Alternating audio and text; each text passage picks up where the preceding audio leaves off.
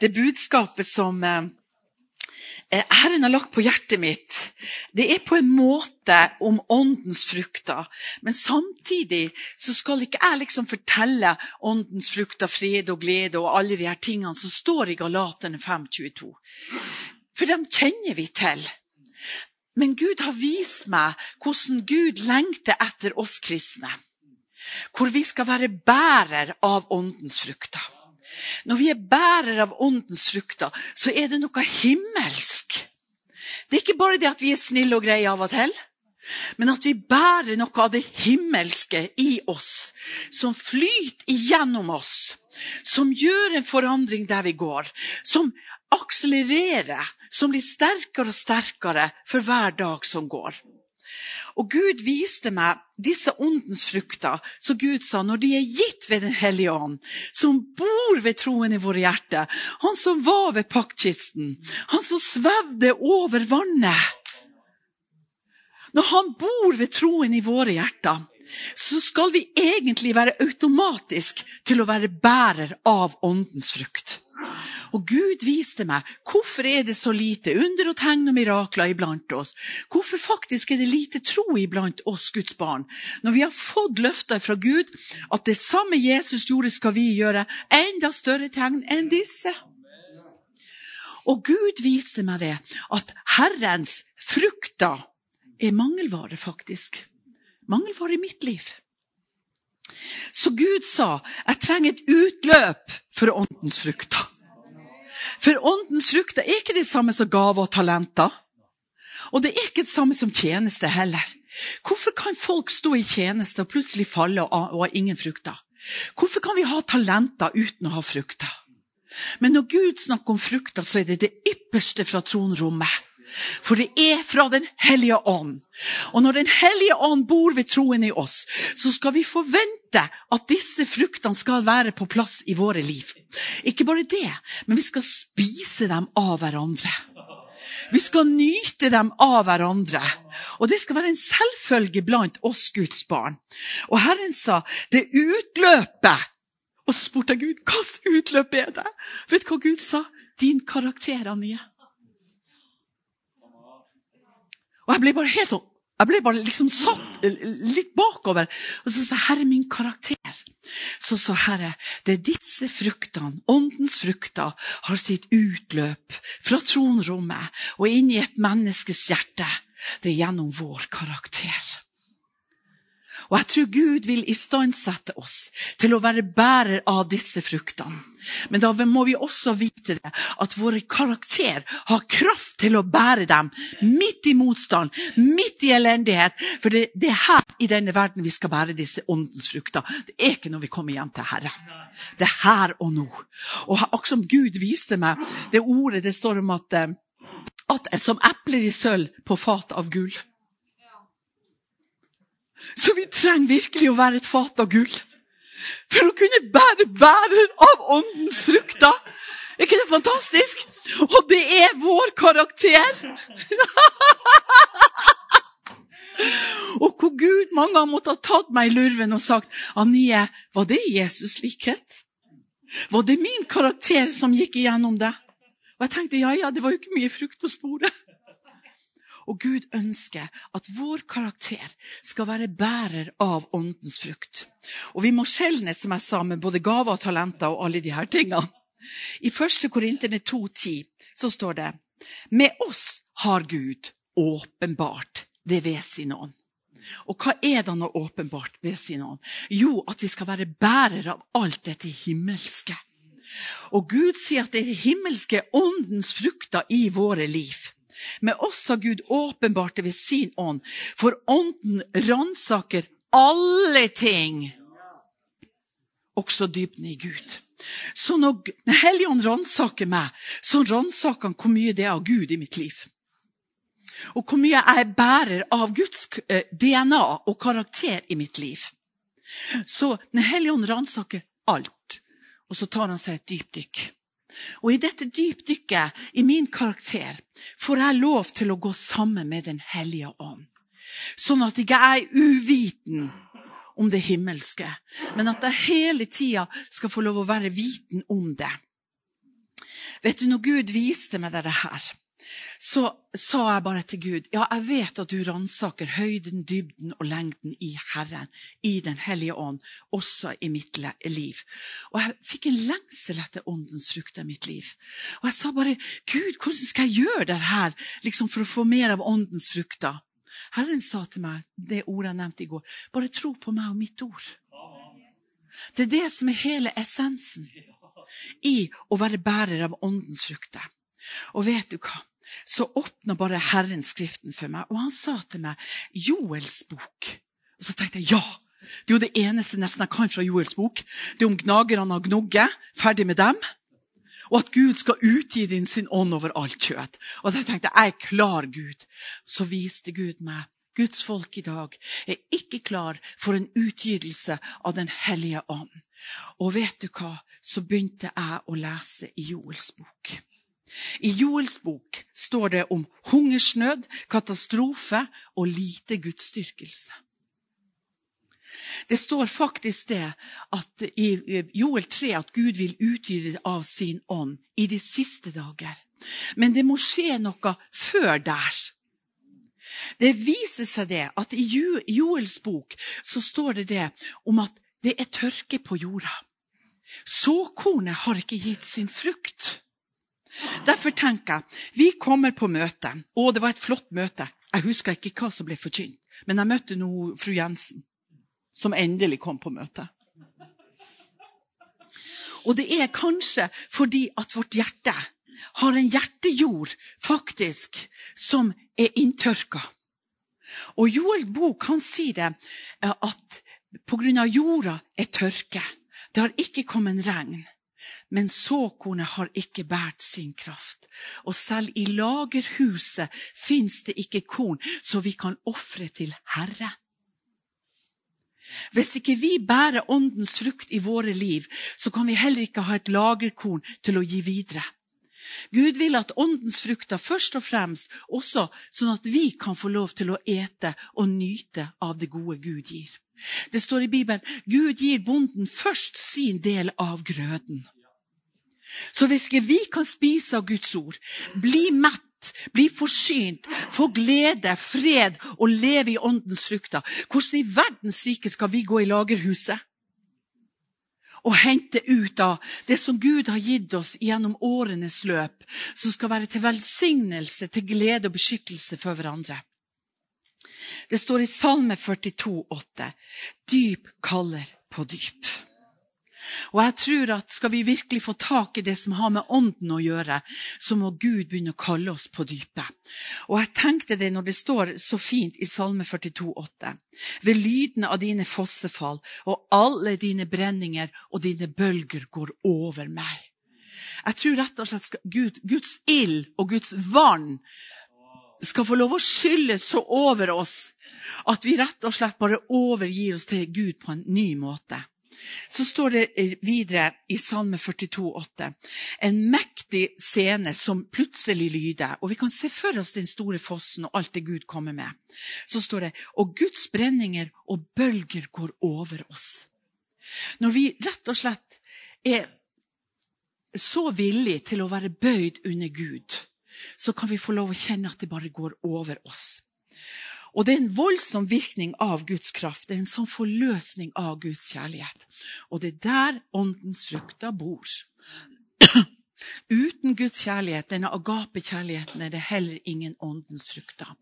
For Gud sier nemlig bare ved Den hellige ånd kan vi bli bevart i Gud og være bærer av disse åndens frukter. Og jeg tror Gud ønsker å standsette sitt folk i dag, sånn at vi blir bærer av himmelens rike. At vi kan si sånn som Johannes sa, omvend dere, for Guds rike er kommet nær. At vi bærer åndens frukter i vårt eh, hjerte, sånn at de bare kjenner at det er Guds rike. De kan ikke gjøre noe annet. Det var ei venninne som sa 'jeg kan ikke lyge til deg'. Så tenkte jeg 'å, hvorfor ikke'? Så sa hun 'nei, jeg vet ikke, liksom. Jeg kan ikke lyge til deg'. Og da tenkte jeg 'var det Gud i meg jeg opplevde'? Eller hva var det for noe? Og du vet at når Guds frukter, og det blir i vårt liv, så kan vi bli et annerledes menneske. Og her i Joels bok kunne jeg høre Herrens stemme talte i denne verden. og tenker vi trenger ikke å gå lenger enn til aviser der kristne krangler, der menneskene er uenige, ikke i det vesentlige, men i det uvesentlige. Og i Joel 1,7 så står det Såkornet tørket inn under jordklumpene. Lagerhusene ligger ødelagt. Med andre ord så var det jordklumper. Det nytta ikke å så ut det såkornet de hadde, for det ga ikke sin vekst. Og du vet at det nytter ikke, uansett hvor mye Guds ord vi får, uansett hvor mye vi kjenner salvelsen på et møte, hvis vårt hjerte er tørka som noen tørre jordklumper. Jeg tror vi trenger å omvende oss. Og vet du hva Gud sa til meg? Ania, omvend deg, for himmelens rike er kommet nær. Og jeg måtte virkelig si til Gud, Herre, hjelp meg, rens meg, sett lyskasteren i mitt liv, Herre, så ikke jeg har noen tørre jordklumper, så ikke jeg leser Guds ord. Ja, det var jo den historien også. Ja, akkurat, ja, også var det den historien. Men at virkelig at når vi åpner Bibelen, så er det så sterkt at det blir mat for oss. Det går inn i hjertejorda uten at det blir noen tørre jordklumper. Og vi vet at Gud vil også ha det i et lagerhus. Til og med ting vi ikke forstår i Guds ord, ikke har fått åpenbaring på, bruker å si jeg legger det i en skuff som heter mitt lagerhus. Så tar Herren det fram, og plutselig kan jeg oppleve åndens frukter på de tingene som jeg kanskje ikke forsto. Det som er så fantastisk, at Herren sa til meg, vingårdsmannen er sendt ut for å høste frukt. Og det er det jeg tror Gud gjør i disse dager. Vingårdsmannen er gått ut for å høste frukt. Når Joel sier det, at det er tørket inn under jordklumpene, altså lagerhusene er, ligger ødelagt, da måtte jeg spørre Herren Herre, hvordan er det med min tilstand? Jeg som predikant, som reiser rundt, i min familie, hvordan er min hjertejord for tida? Hvordan er mitt lagerhus, Herre? Har jeg fylt det med det som har med Gud å gjøre, eller ikke? Og hvor mye undervisning har vi ikke hatt? Både på bibelskole og det ene med det andre, der vi kjenner med oss sjøl Kjære Jesus, har jeg frukt i mitt liv til å kunne skrive hjem om? For nemlig den frukten der han foredles i himmelen. Det er det vi møter når vi kommer hjem til Gud. Det er faktisk frukten. For det har med ånden å gjøre. Det er ikke det som vi har hatt på jorda, men det er åndens frukter som vi bruker her og nå. Og jeg tenker, dette jordsmonnet, det må ha, være bærer av en overflod. El Shaddai. Gud, El Shaddai, overflodens Gud. Og det nytter ikke bare å skryte av Gud at han er El Shaddai, overflodens Gud. Men Gud vil at vi skal gå i akkurat de samme termer som han går. For han er vår far, vår Gud. Hans er mitt, og mitt er hans. Sånn at vi kan overbevise verden at vi ikke bare har en overskrift at ja, vi er jo kristne. Det som skjedde i Joels bok, det var det at Joel fikk et løfte fra Gud. At det skal komme en tid med utfrielse, med frelse, med gjenopprettelse. Men så sier plutselig Gud det som gnagerne har gnugget, åtselen etter, den store hæren som har sendt imot dem. Hva var det som skjedde? Jo, fordi at prestene og alle de som var der, de gjorde ikke jobben sin. Og det kan jeg relatere til oss kristne. Gjør vi jobben vår? Gjør vi det som Gud har kalt oss til? Er vi interessert i å si 'Gud, la meg få frukt på mitt liv'? Tør vi å ransake våre hjerter og gå på dypet med Den hellige ånd og kjenne på dybden og høyden og bredden og lengden?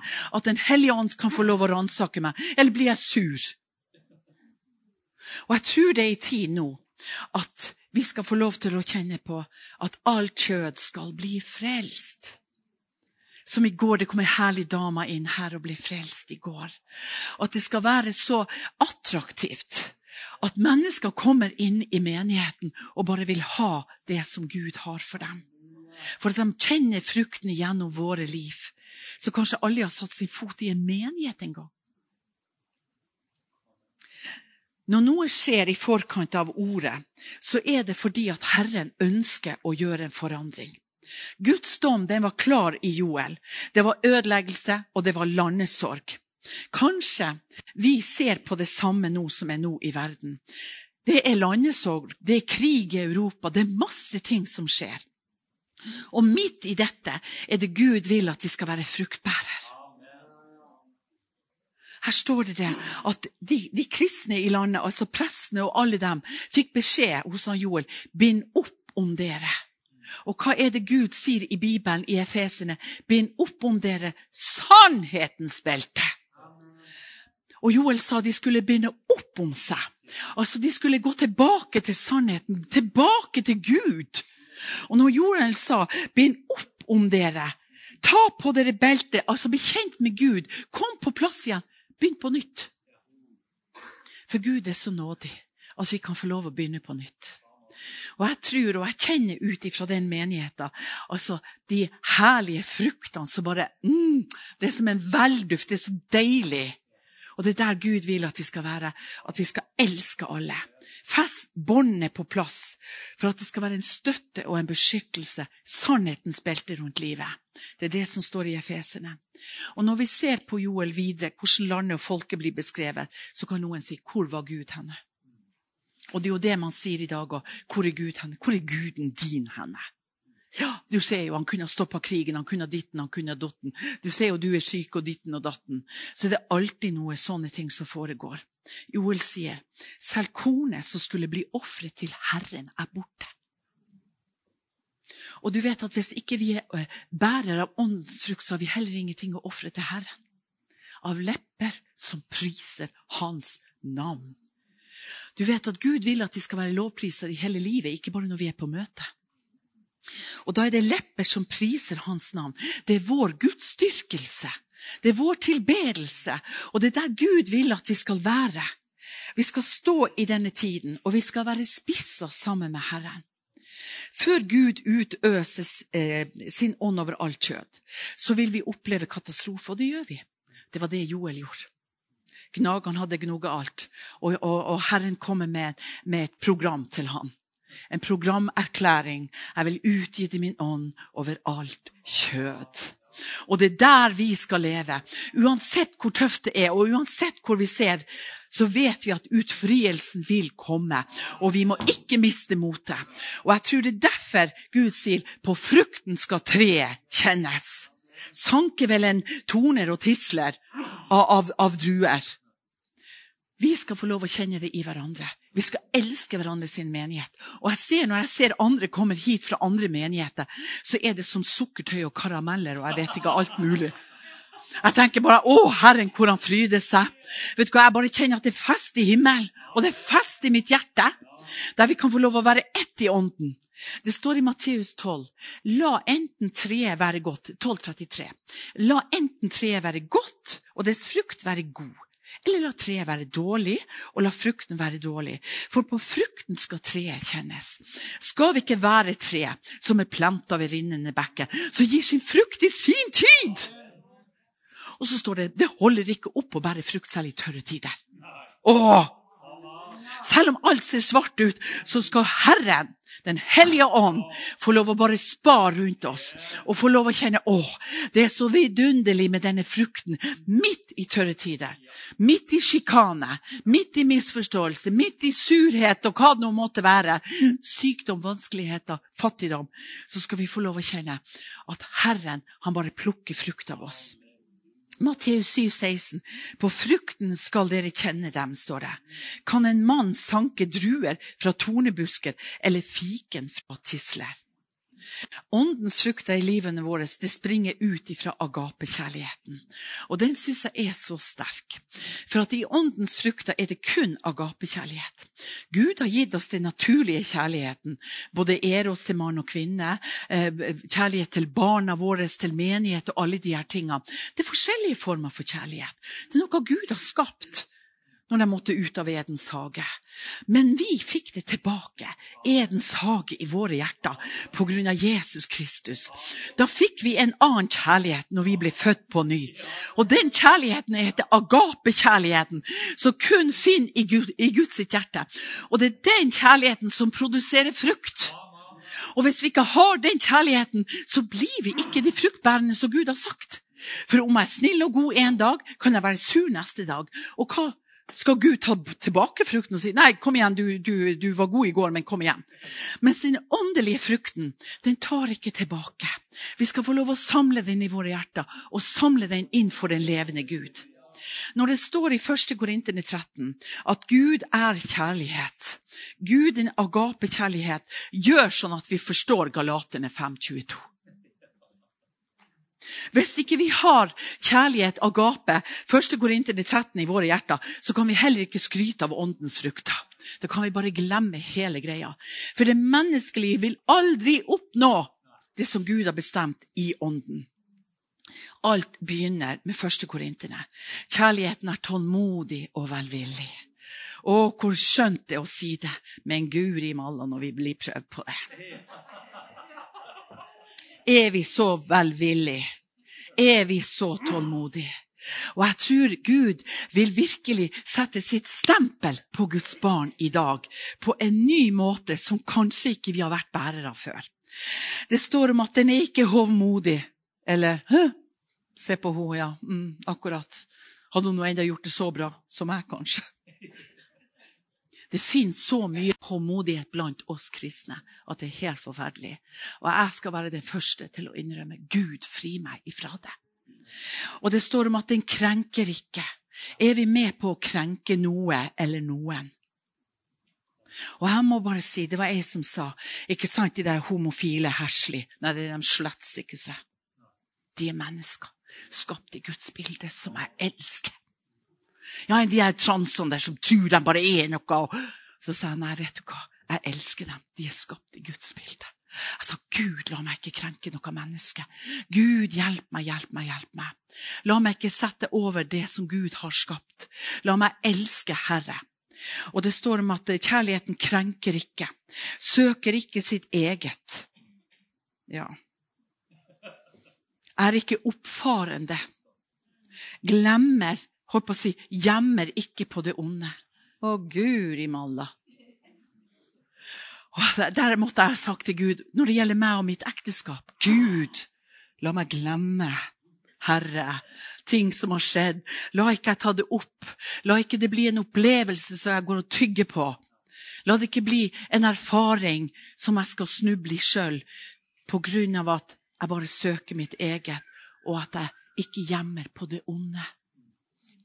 Det gleder seg ikke over urett, men har sin glede i sannhet. For kjærligheten tåler alt, håper alt, nei, eh, tror alt, håper alt og, tåler alt. Når Gud gir oss dette ordet, så kan vi mange ganger bli prøvd på denne kjærligheten. Og vi, egentlig så blir vi prøvd på frukten. Når vi er fruktbærere, og det bugner over våre liv. Og det skal vi gi til Herren. Halleluja. Så blir vi prøvd på denne kjærligheten, agapekjærligheten i Gud. For åndens frukter er det usynlige, eller for å si det sånn, det synlige bildet på vår karakter. For hvis vi ikke bærer Guds DNA og hans karakter i våre hjerter, så er vi heller ikke fruktbærende. Det er bare å være ærlig. Bibelen, Når han snakker om Guds kjærlighet, så sier han at det er himmelens frukt. Altså det er i ånden. Guds kjærlighet i oss produserer åndens frukt. De produserer ikke noe ut av det kjøttslige. Det skal jo dø likevel. Det er jo dødt, egentlig. Det har dødd på, på korset med Jesus, men det spreller noe av og til. Men vi kan ikke unnskylde det. Av oss selv kan vi ikke produsere noe. Derfor heter produktet agapekjærlighet, åndens frukt. For vi ikke kan produsere. Vi kan rive oss i håret og si 'Å, nå var jeg så irritert igjen. Kjære Gud, hjelp meg, neste gang skal jeg være grei.' Det går ikke an. Vi må faktisk gå inn til Gud og si, 'Herre, må du få lov å kultivere mitt hjerte.' Mitt sinne, mitt forråd, det som alltid skal ha rett. Må du, Gud, kultivere meg. Så sa jeg bare til Gud, Gud, jeg har så lyst at du skal hjelpe meg. At hvis jeg får en sånn sleivet bemerkning fra familien, at jeg bare kan klappe igjen. Og så, så sa jeg bare Ja, ja vel. Ble du sur nå? Nei. Men jeg kjente hånet inni mitt hjerte. Så tenkte jeg ja, kanskje jeg var verstingen. Så måtte jeg bare gå og si ja, vet du hva, jeg ble faktisk både sur og irritert, men vil du tilgi meg? Vet du hva, det koster mange ganger så mye. Altså, gjemmer ikke på det onde. Det produserer Guds kjærlighet og åndens frukt.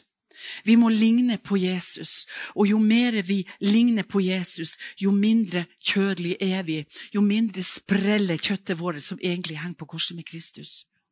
Denne kjærligheten som er jordisk, skal gå i døden. For det står i ordspråkene når mennesket dør, der minner om han borte. Men når vi dør, så er ikke minnet om oss borte i himmelen. Da vil all denne frukten hilse oss velkommen. Denne urettferdige mammon. Den lille kollekten, den lille skjerven vi ga i himmelen. Der vi ga av vårt liv, det vil være et produkt i himmelen. For det står nemlig det i Jakob 3, 17, nei, 3, 7. Men den visdom som er ovenfra, er først og fremst ren. Dernest fredsommelig, rimelig, ettergivende og, og full av barmhjertighet, står det. Og gode frukter. Og så står det uten tvil og uten skrømt. Med andre ord, dette som kommer fra himmelen det har visdom i seg, er ren, er fredsommelig, rimelig, ettergivende, full av barmhjertighet og gode frukter. Halleluja. Den bærer ikke noe løgn i seg eller tvil, som det står i en gammel bibelskrømt. Med andre ord, fruktene kommer fra Gud. Og vi skal bestrebe oss etter å si, Gud, Herre, la meg få lov å komme inn på tronrommet, Herre. La kultivere meg, Gud, Herre, for jeg trenger det i denne tiden. Jeg kan ikke bare være meg. Når Galaterne 5,22 begynner med det, altså Guds kjærlighet beskrives som åndens frukt, som ikke er kjødelige. Den menneskelige kjærligheten, som jeg sa, kan være så grei, men han lever ikke lenge. Han lever bare ut ifra dette jordiske. Det står i ordspråken 29,11 mild om den milde tungen. Så står det en dåre gir utløp for alle sine følelser, men en vis mann holder det tilbake. Og jeg tror Gud kan kultivere oss i denne tiden vi lever. For at han er nemlig vingårdsmann. Han går ut nå. Jeg glemmer aldri jeg skulle på, på, en butikk, og da sa bare Herren til meg Anie, du kommer til å bli prøvd på frukten i dag. Å, gjør jeg det? Og Jeg kom på den butikken, og jeg kjente virkelig det, at jeg trengte åndens frukter i mitt liv. Gud forbereder oss. Han står ikke og sier 'edda bedda'. Nå datt du igjen. Hvor er fruktene? Det var visst noe nedfallsfrukt, noe råtten pø. Herren sier ikke det. Han, han etterjager oss med sin godhet og barmhjertighet. Når det står i Galaterne 5, så står det med åndens frukt er kjærlighet. Det begynner der òg. Akkurat som i 1. Korinterne 13. Det står om denne kjærligheten. Så uten denne kjærligheten så kan vi bare glemme resten. Så står det, og da kommer fred og glede, langmodighet, vennlighet, godhet, trofasthet, saktmodighet og selvtukt. Er det siste som kommer. Der vi rett og slett tar åndens sverd, og så sier vi OK, Hellige kom igjen og skjær noe her, litt her og der. Og det er det vingårdsmannen gjør, som har med selvtukt å gjøre. Så står det loven er ikke mot slike. Dette er endemålets lov av kjærlighet som Gud har gjort på Golgata. Og når dette er endemålet av kjærlighet, så er det i nådens lov en avhengighet av Gud. Vi må rett og slett bli så avhengige av Gud at vi ikke nesten må åpne munnen før vi vet at Gud har sagt. Sånn at vi ikke bare går i bare. Vi kan ikke hoppe over det. Det står om to eh, fikentre i Bibelen. Legg merke til. Det er så fantastisk. Det ene fikentreet eh, står i Lukas 21, 19. Der vi kjenner historien. Jesus og disiplene de gikk forbi en mark, skulle fra et sted til et annet sted. Og der ser plutselig Jesus What? Et fikentre! Og det var jo utmark. For de skulle fra ett sted til et annet sted. Og men det hadde jo kanskje ikke det jordsmonnet som fikentreet egentlig skulle ha. Men dette er bildet på verden. Gud sa til meg denne historien er bildet på verden sin kjærlighet. Der står dette fikentreet og glinser med sine blader og nesten roper halleluja. Og bruker de samme termer som vi kristne bruker. Der står det og glinser med sine blader. De hadde to blader, som betyr at frukten egentlig skal være under der. så står det det. Så kom Jesus. Og han var jo vill. Fikentre! Og er det ikke årstid engang? Og så står det her og lokker oss. Kom igjen, gutta! Så gikk han der og kjente mellom bladene og fant ingen fiken. Dette kan være bildet på den menneskelige kjærligheten. Den er så lik et annet fikentre i Bibelen. Det andre fikentreet i Bibelen det står i Lukas 13, der et mann hadde et fikentre som var planta i en vingård. Hvem er det? Det er den kristne. For den står planta i en annen jordsmonn. Her står det om Jesus. Når de gikk forbi der, så ble Jesus så sint at han forbannet det fikentreet. Jeg syns synd i dette fikentreet, men Gud vet at denne verden ligger under den forbannelsen, for den kan aldri bli frelst. Dette bildet på verden. Det sto der og glinsa med sin flotte kjærlighet, med sine flotte grønne blader. Og disiplene What? Hva er det du gjør for noe, Jesus? Men de bare gikk videre. De torde ikke å spørre han, for de hadde ikke fått den åpenbaringa. Men vi har fått den åpenbaringa. For det fins en kjærlighet i verden som er så lik det som står i Lukas 17. En mann som hadde fikentre i en vingård. Vingården er bildet på Guds kjærlighet, på Guds overflod, på bildet på Den hellige ånd. Og der står vi nemlig planta. Og hvordan er det vi ter oss? Og da står det det. Når disiplene kom tilbake igjen, da står det det da så de at dette fikentreet var vitsna fra rot av. Denne menneskelige kjærligheten vil en dag forgå. Den kan ikke bli stående. Og så står det da i Lukas 13, 6, så står det en mann hadde et fikentre som var plantet i en vingård. Når han kom for å se på frukten der, men han fant ingen. Tålmodig går mannen med dette eh, med denne, i denne vingården der. Og vet du hva? Vet du, jeg, må bare, jeg, må bare, lese, for det er så fantastisk. Eh, skal vi se, hvor, hvor, hvor, var det sto nå igjen? Det? Ja, Lukas. Jesus, Jesus. Ja, han fortalte også denne lignelsen. En mann hadde et fikentre plantet i vingården sin. Og det er ikke snakk om noe utmark. Og han kom og lette etter frukt på det, men fant det ikke, osv. Da sa han til vingårdsmannen, se, i tre år har jeg kommet og lett etter frukten på dette fikentreet. Han var i, i, i tre år sammen med disiplene sine. Men jeg har ikke funnet noe. Hogg det ned. Og hvorfor skal det stå ut arme jorda? Du vet at når vi står i denne hagen sammen med Gud, i denne vingården, så kommer det en tid. Hvis ikke vi er fruktbærer, så kan vi ikke bare si 'Kjære Gud, hvorfor skjedde dette?' Vi må vite at Gud er tålmodig. Han sender vingårdsmannen ut i sin, i, i sin vingård for å, å, kultivere dette treet, som har en helt annen plass, nemlig det himmelske riket som er kommet ut ifra Guds posisjon. Det er der vi sitter. Vi er ikke i denne verden i utmark, der han forbannet dette treet som ikke bar frukt. Og disiplene skjønte jo ingenting. Men vi skal skjønne det. Vi er planta i en vingård sammen med Herren. Vi er ikke en vanlig utmark der vi står og bare sier 'Å, kjærlighet, jeg elsker ditt, og jeg elsker flerkoneriet, 'Jeg elsker ditt, og jeg elsker synden, og jeg elsker alt mulig', og bare står der og gir seg til. For den kjærligheten, den frukten, den kommer ikke til å vare. og kommer ikke. Derfor forbannet Jesus det. Tålmodig går mannen og ber om å få lov å, å spa rundt det der, der fikentreet i vingården, altså i Guds hage. Der er det plass. Det er der vi kristne er. Vi er i Herren sin vingård. Der har vi fått den største og den beste posisjon for å kunne ha det beste jordsmonnet, for å være fylt med Den hellige ånd.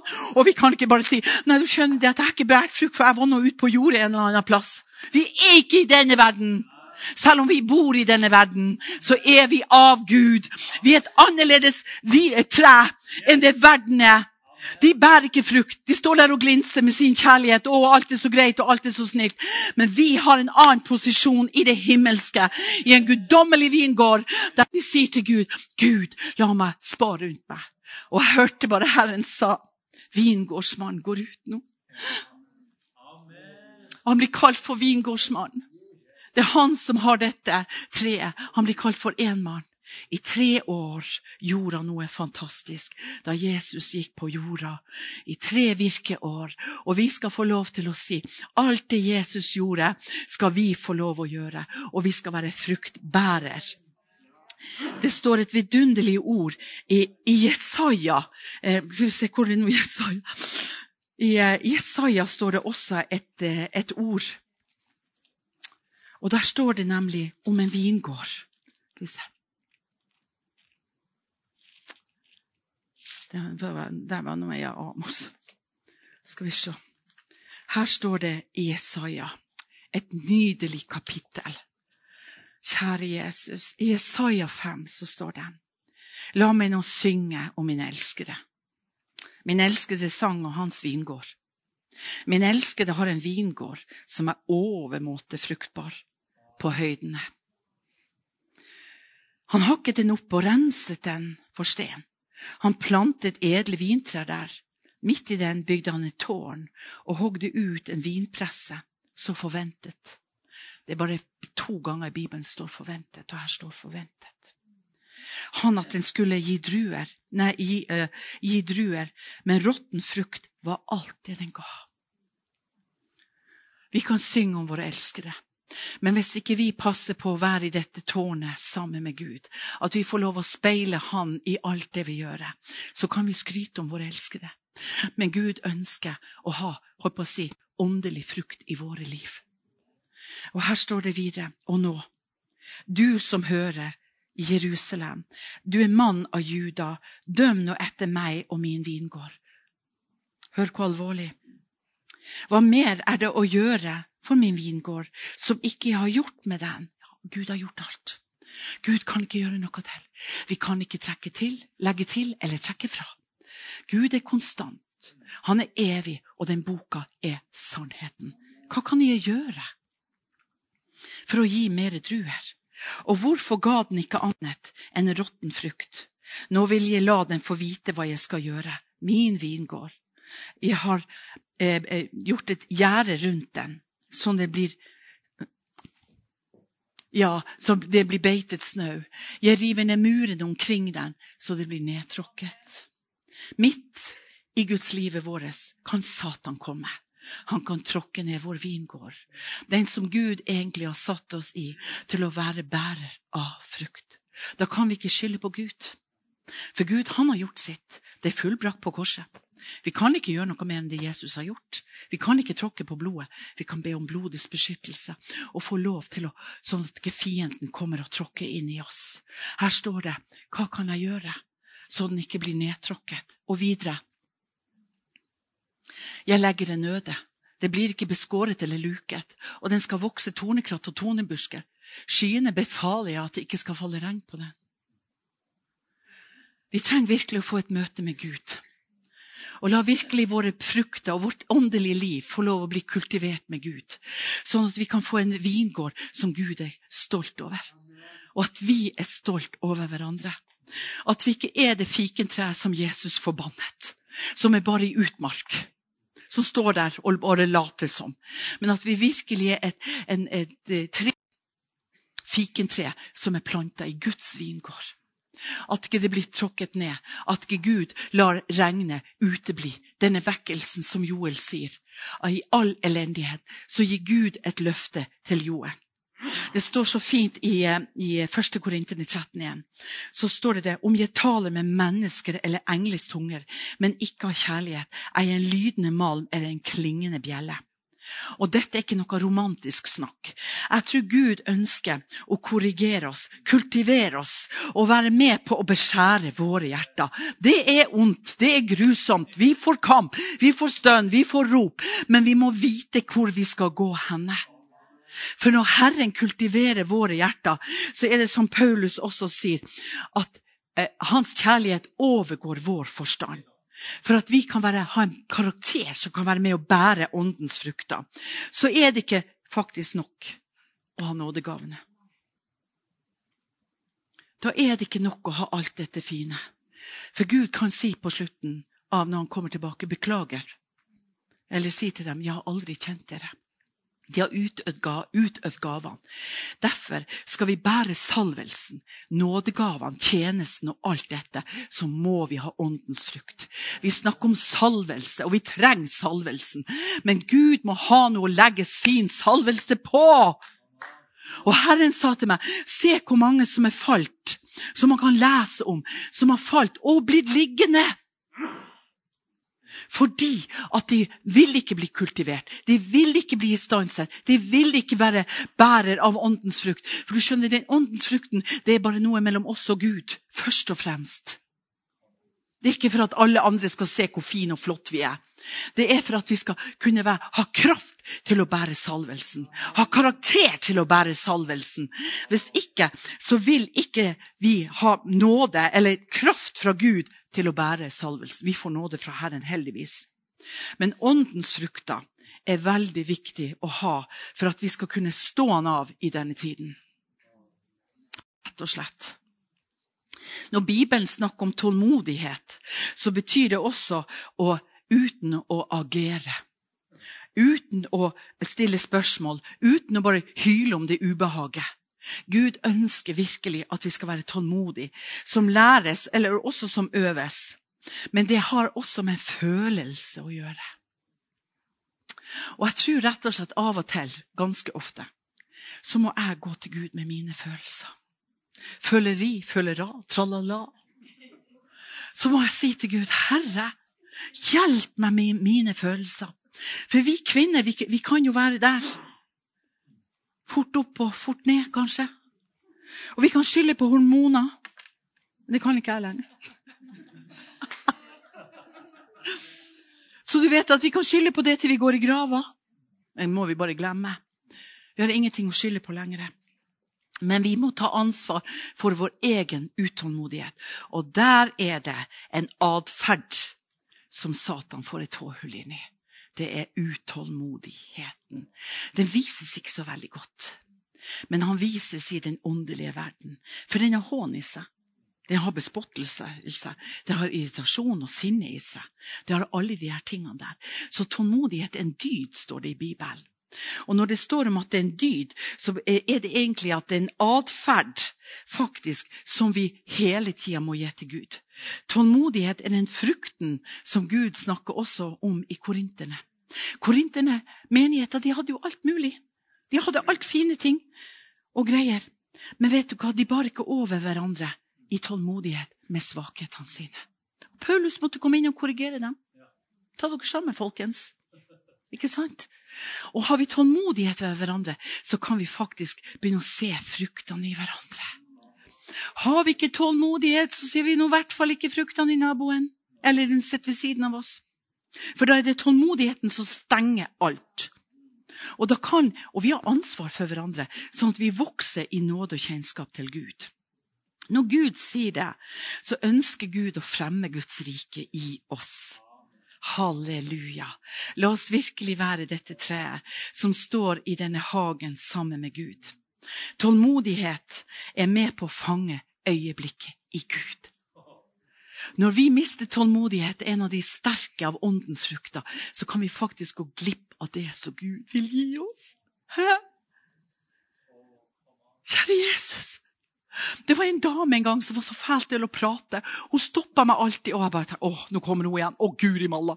Her er det best å springe.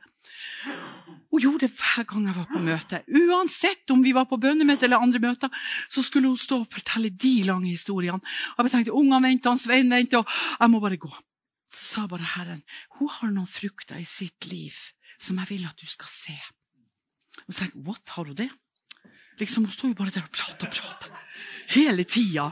Men så sa bare Gud til meg, du ser det ikke fordi at du er så utålmodig. Denne dama der sa, kom seinere til meg så sa hun, vet du hva, jeg ble så stressa når jeg skulle snakke med deg. Oi, ble du det? Så? Ja, jeg ble bare så stressa, men egentlig så hadde jeg lyst til å koke ned alt til en kål og si at jeg ber for deg dag og natt. Og så, Å, gjør du det? Liksom. Så, så, men jeg, ble bare så nervøs og stressa i ditt nærvær. Hun kjente jo på min utålmodighet. Hun klarte ikke å sette fingeren på det her.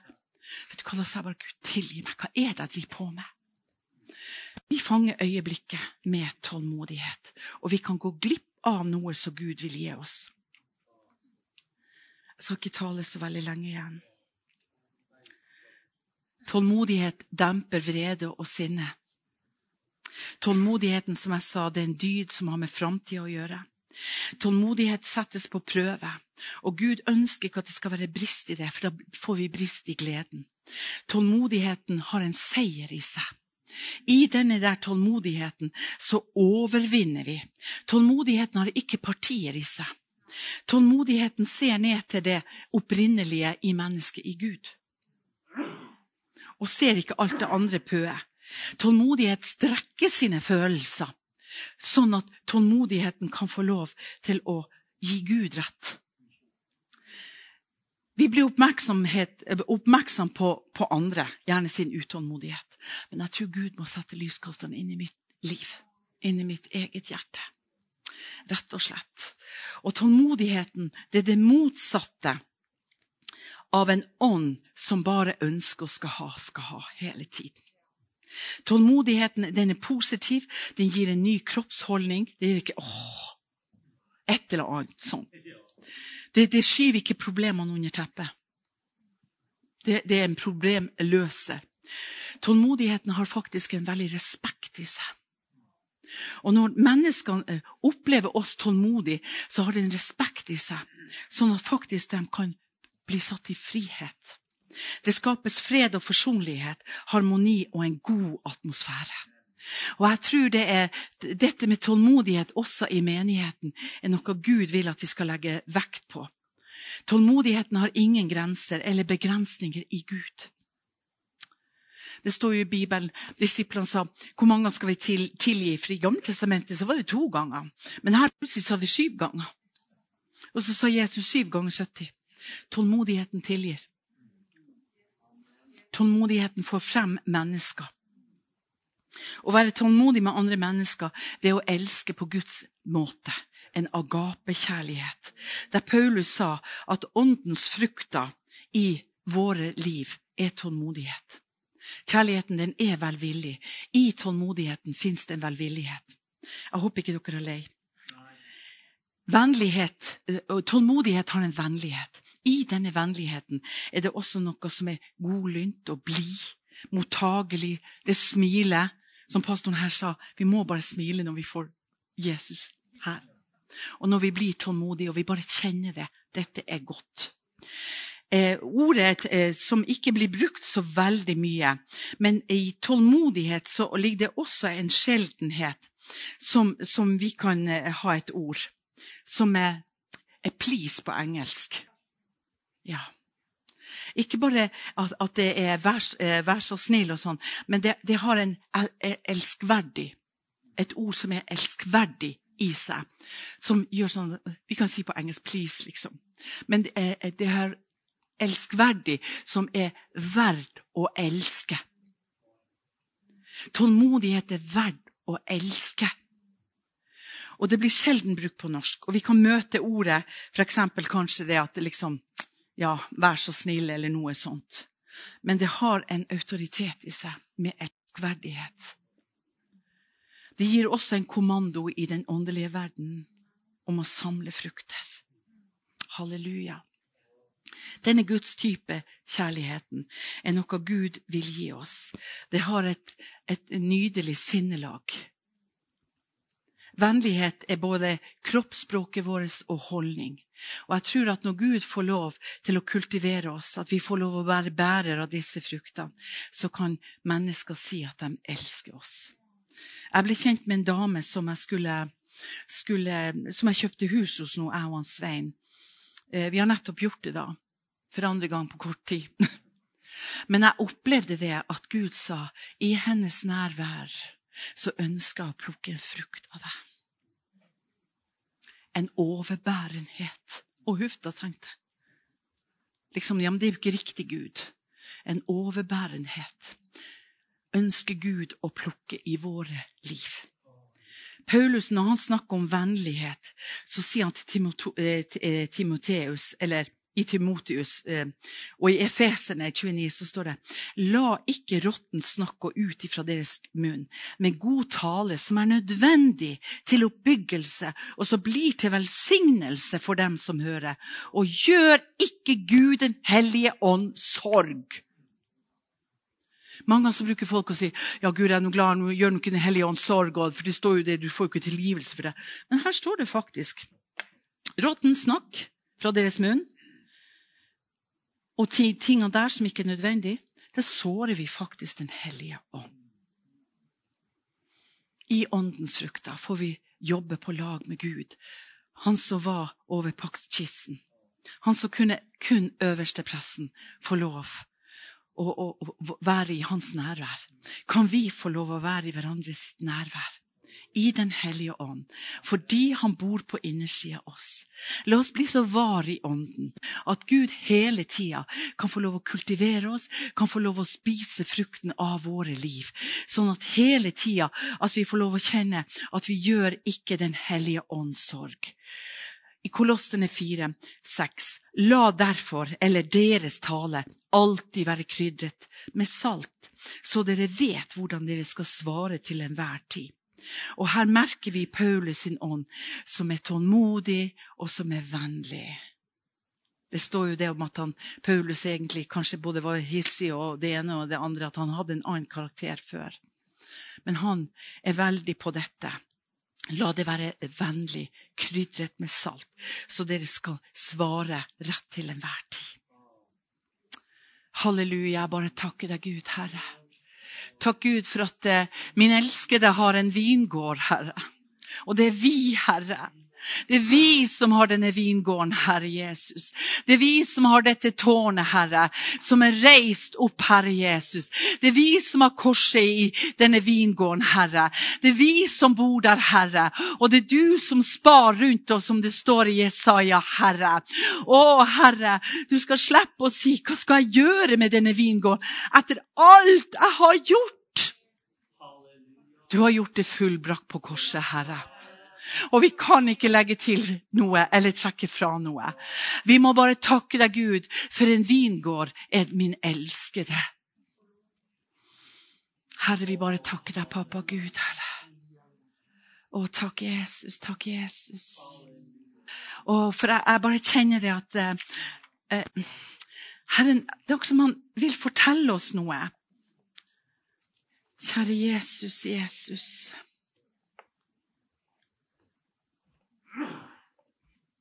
Jesus, Jesus. Jesus.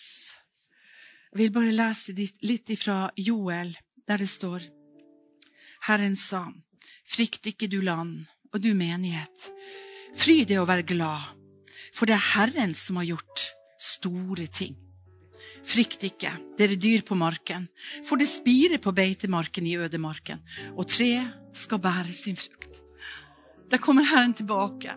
At det gnageri har vært der, at det elendighet har vært i Joel. Så kommer Gud med sånne vidunderlige løfter om frukten. Fikentre og vintre gir sin styrke. Fry dere, Sions barn, gled dere i Herren deres Gud, for han gir dere lærere til rettferdighet. Og så skal han sende regn ned til dere, tidlig regn og sen regn. Halleluja, i begynnelsen. Treskeplassen skal bli full av hvetekorn, og vinranken skal flyte over av most og olje. Slik vil jeg godt gjøre. Å, Gud er så god! Og selv om du føler du ikke har båret frukt, og selv om jeg føler jeg ikke har båret den frukten som gjerne Gud ville, men så står det det, så vil Gud godt gjøre. Halleluja. Han vil la det bære frukt igjen. Halleluja. Og så står det slik skal han godt gjøre for de årene den store gresshoppen har ett. Gresshoppelarven og den fortærende gresshoppen og den tyggende gresshoppen. Min store hær som jeg sendte iblant dere. Du vet at ingenting skjer uten at Gud gjør det. Han har det siste ordet. Herren skal gi dere rikelig og bli mette og prise Herren deres Gud, Guds navn. Han som handler så underfullt iblant dere, Mitt folk skal aldri i evigheten komme på skamme. Halleluja. Og han, måtte, han skal ikke si til sin vingård nå lar jeg bare det gå ned. Nei. Så står det da skal jeg kjenne at jeg er mitt, da skal dere kjenne at jeg er mitt Israel. Jeg er Herren deres Gud og ingen annen. Mitt folk skal aldri i evigheten bli til skamme. Deretter å, halleluja! Å, halleluja! Å, halleluja! Halleluja. Å, Herre, vi er åpne for utgytelsen av Den hellige ånd. Halleluja. Å, vi bare takker deg, Jesus, Herre. Å, halleluja, halleluja. Å, halleluja, halleluja. Og jeg hører bare Den hellige ånd si at eh, inviter meg. Inviter meg. Inviter meg inn i din vingård. Inviter meg. Inviter meg i ditt sinn, i dine tanker, i dine følelser. Inviter meg. Jeg bor i ditt hjerte ved troen din. Jeg bor der, sier Herren. Å, halleluja. Takk, Jesus. Takk, Jesus. Takk, Jesus. Takk, Jesus. Halleluja. Halleluja.